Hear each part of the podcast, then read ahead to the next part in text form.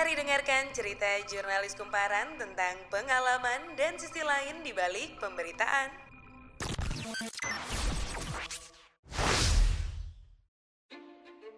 Surono, 51 tahun warga desa Sumbersala Kabupaten Jember dikabarkan menghilang sejak tujuh bulan yang lalu. Istrinya yang bernama Bu Sani mengatakan Surono telah meninggal, namun dia tidak bisa menunjukkan jasadnya. Sampai akhirnya jasad Surono ditemukan di beton di dalam musola. Bagaimana cerita selengkapnya? Saya Atletina sudah terhubung dengan kontributor kumparan di Jember, Sutrisno yang bertugas untuk meliput peristiwa tersebut.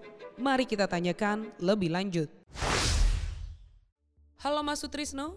Halo Mbak Tina, saya Sutrisno. Bisa diceritakan pada awalnya mengapa warga tidak curiga ketika tidak melihat almarhum Surono dalam waktu yang cukup lama? Ya, awalnya warga memang tidak curiga uh, ketika almarhum Surono dalam waktu yang cukup lama tidak terlihat karena warga mengetahui Surono selama ini sering kali merantau ke luar Pulau Jawa. E, namun keluarga tidak mengetahui secara pasti Surono ini bekerja di perkebunan mana. Sehingga warga tidak curiga ketika dalam waktu yang cukup lama almarhum Surono ini tidak terlihat. Bagaimana akhirnya mayat almarhum Surono dapat ditemukan terkubur di dalam musola?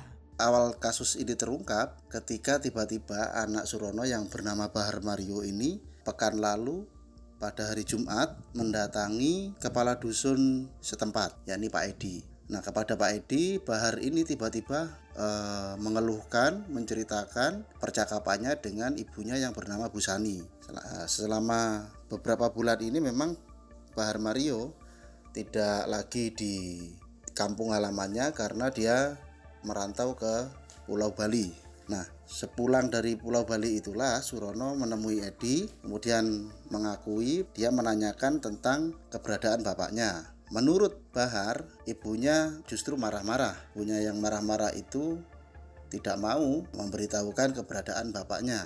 Kata Bahar kepada Edi, ibunya hanya bilang bahwa bapaknya sudah mati dan uh, dikubur di bawah musola. Edi yang tidak percaya begitu saja ungkapan Surono ini kemudian berupaya melaporkan dan meminta polisian setempat yaitu Polsek Sumbersala untuk segera mencari tahu kebenaran apa yang disampaikan oleh Edi. Mulai ramai tersiar kabar bahwa Surono memang benar telah dikubur di dalam lantai beton musola. Lalu, siapa yang pertama kali menemukan mayat tersebut? Yang pertama kali menemukan jasad korban adalah pihak kepolisian karena sebelumnya diminta oleh pihak keluarga untuk membongkar lantai musola e, berdasarkan laporan kepada kepolisian setempat. Kemudian, seperti apa kondisi mayat saat digali? Kondisi mayat saat itu terbungkus sarung tapi masih mengenakan baju dan dipastikan bahwa itu memang bajunya Surono mayat Surono dikubur di bawah lantai uh, lantai beton setebal 25 cm yang di atasnya juga ada pasangan keramik warna hitam.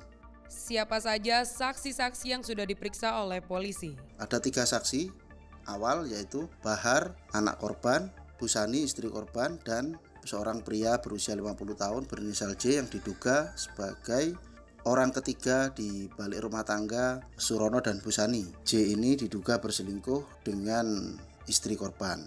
Apakah sudah ada tersangka dalam kasus ini? Sampai saat ini belum ada tersangka.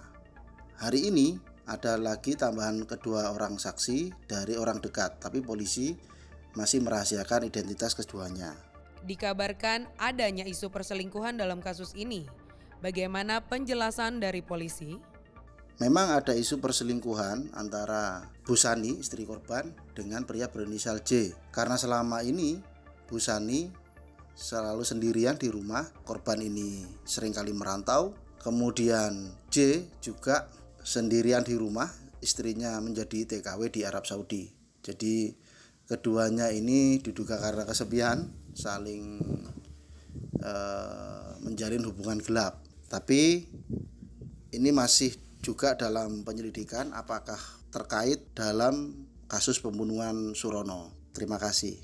Sekian dulu obrolan kami seputar kasus warga Jember yang dibunuh dan dibeton di dalam musola. Ikuti update-nya dengan mengakses kumparan.com. Saya Atletina pamit undur diri.